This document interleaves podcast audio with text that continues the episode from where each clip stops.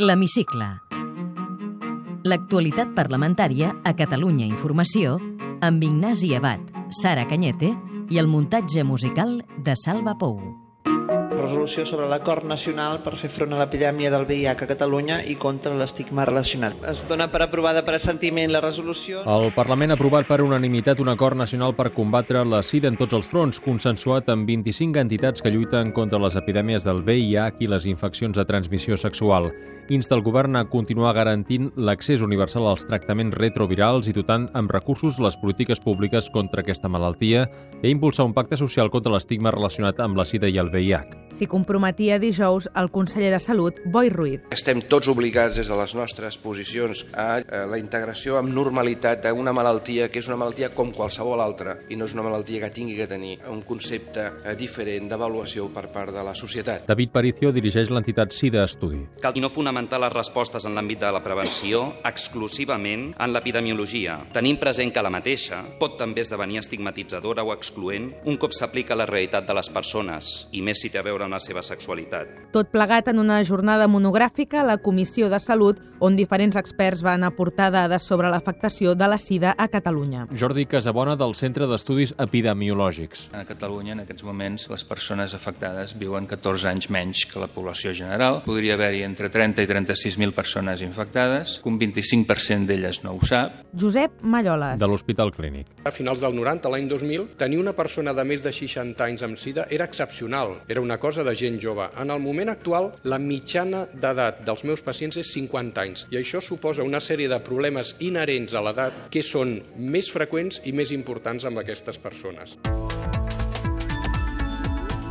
No és una balança fiscal, és un document polític. Des del punt de vista tècnic és un despropòsit complet. Dimecres, el conseller d'Economia menys tenia d'aquesta manera la balança fiscal feta pel govern extremeny i que situa Catalunya com la comunitat que rep més inversió per habitant. Andreu Mascolell ho feia abans d'explicar en comissió la posada en marxa de tributs de Catalunya. En aquesta primera fase s'han interconnectat 53 oficines, 49 de les diputacions i 4 de les delegacions territorials territorials de l'ATC. Reticències del PSC i advertiment del PP. Sentim Alicia Romero i José Antonio Coto. Això és una operació de maquillatge, no sabem massa quina és l'agenda oculta, no voldríem pensar malament. I davant de qualsevol incompliment que observem de la llei, actuarem en conseqüència anant als tribunals. Satisfacció d'Esquerra per l'embrió de la hisenda catalana. Pere Aragonès. Ah. El que esperem és que en un futur aquests instruments tributaris no estiguin limitats pels d'una administració autonòmica, sinó que siguin els d'una administració estatal. A la mateixa comissió Comissió d'Economia, Mascolell va informar que més de 50 ajuntaments han ingressat gairebé 6 milions a l'Agència Tributària Catalana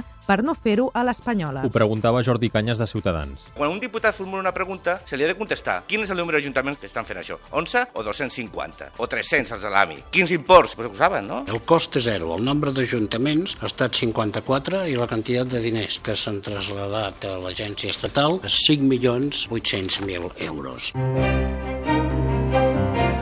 Una setmana després que el Parlament aprovés un recurs d'inconstitucionalitat contra la Llei de Garantia d'Unitat de Mercat, el conseller Felip Puig ha explicat en comissió que posarà totes les traves possibles perquè no s'apliqui. Aquesta llei propicia el desplaçament territorial d'empreses cap a aquelles comunitats autònomes que tinguin una regulació més feble. Una inspecció més laxa implicarà un dúmping administratiu. Pot comportar un dúmping ambiental i empresarial. Aquesta llei imposa els paraïsos administratius. Tot i la distància ideològica, Joan Mena d'Iniciativa Esquerra Unida s'expressa expressava en termes molt similars. El que situa la llei és la possibilitat de que l'estat espanyol s'implanti el que es coneix com el dumping predatori, que és una mena de paradís regulatori. La llei d'unitat de mercat permet que una empresa pugui operar a Catalunya amb la regulació d'una altra comunitat i a l'inrevés. Arguments a favor d'Inés Arrimadas de Ciutadans i José Antonio Coto. I en contra de la convergent Montse Rivera, la socialista Alicia Romero i el republicà Oriol Amorós. Existen para las empresas las mismas dificultades para abrir o para ejercer una actividad en otra comunidad autónoma que las que tienen para trabajar en otro país de la Unión Europea. Y eso a nosotros nos parece absurdo. D'aquesta manera el que es farà és facilitar que qualsevol primer o qualsevol autònom pugui operar en tot el territori. Un lampista no pot ser que, en funció de si treballa al Pallars Jussà o si treballa a Huesca, tingui que complir una normativa diferent. Un lampista del Berguedà és molt difícil que se'n vagi a Andalusia a fer la seva feina. Ho pot fer igualment sense aquesta llei. És una llei que buida de capacitat a la Generalitat d'impulsar i estructurar sectors econòmics, que instaura el caos marc normatiu que aportarà una inseguretat jurídica clara. Els operadors, al final, no sabran quina és la regulació que els haurà de definir. Isabel Vallet és diputada de la CUP. Si la reflexió que fan al voltant de la llei de garantia d'unitat de mercat és una pura teatralització d'invasió de competències o si realment hi ha un plantejament de perjudici a l'activitat econòmica, quin és aquest model propi català, si és el d'optar per la defensa de les pimes o si és fer legislació ad hoc per a grans macrocomplexes.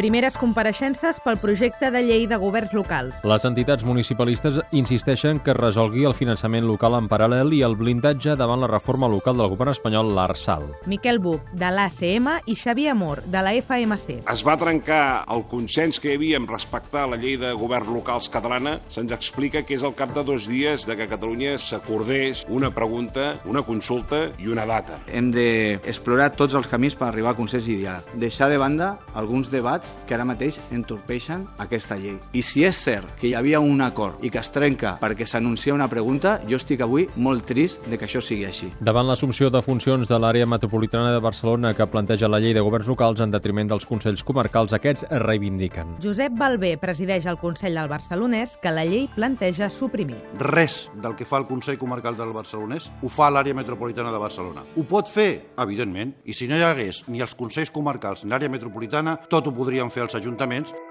També han continuat les compareixences per la llei que pretén que el català sigui un requisit a la justícia. En van parlar, entre d'altres, la directora general de Política Lingüística, Esther Franquesa, i Marc Cristià, de la Plataforma per la Llengua. En català, doncs, només pots compareixer a un judici, fer un testament o obtenir una inscripció d'un acte en un registre si el funcionari, el jutge, l'advocat o el notari entenen i parlen català. I és per això que es fa imprescindible l'exigència de l'acreditació del coneixement del català d'aquests professionals. L'any 2012 les sentències redactades en català només representaven un 12,72% del total de sentències emeses a Catalunya.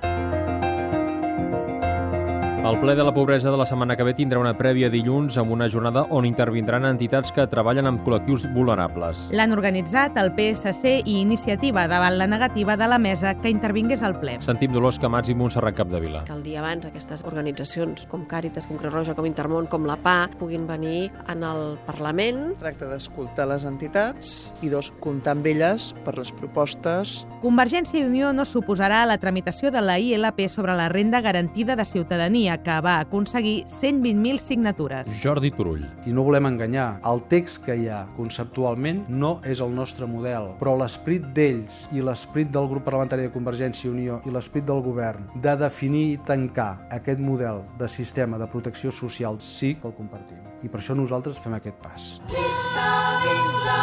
La Cambra ha commemorat el Dia Internacional de les Dones amb una exposició artística i un acte institucional divendres. Amb el testimoni de diverses dones treballadores i l'acompanyament musical del Cor Geriona. Les dones hem de tenir cura i sobretot tenir memòria. Tenia clar que la meva missió era aquella, ajudar a tantes persones que a causa d'haver elegit malament a les seves parelles, buscant aquell príncep blau, patien i patien en silenci. Una adversitat la pots transformar, si no et sents víctima, amb un repte de transformació i d'evolució individual.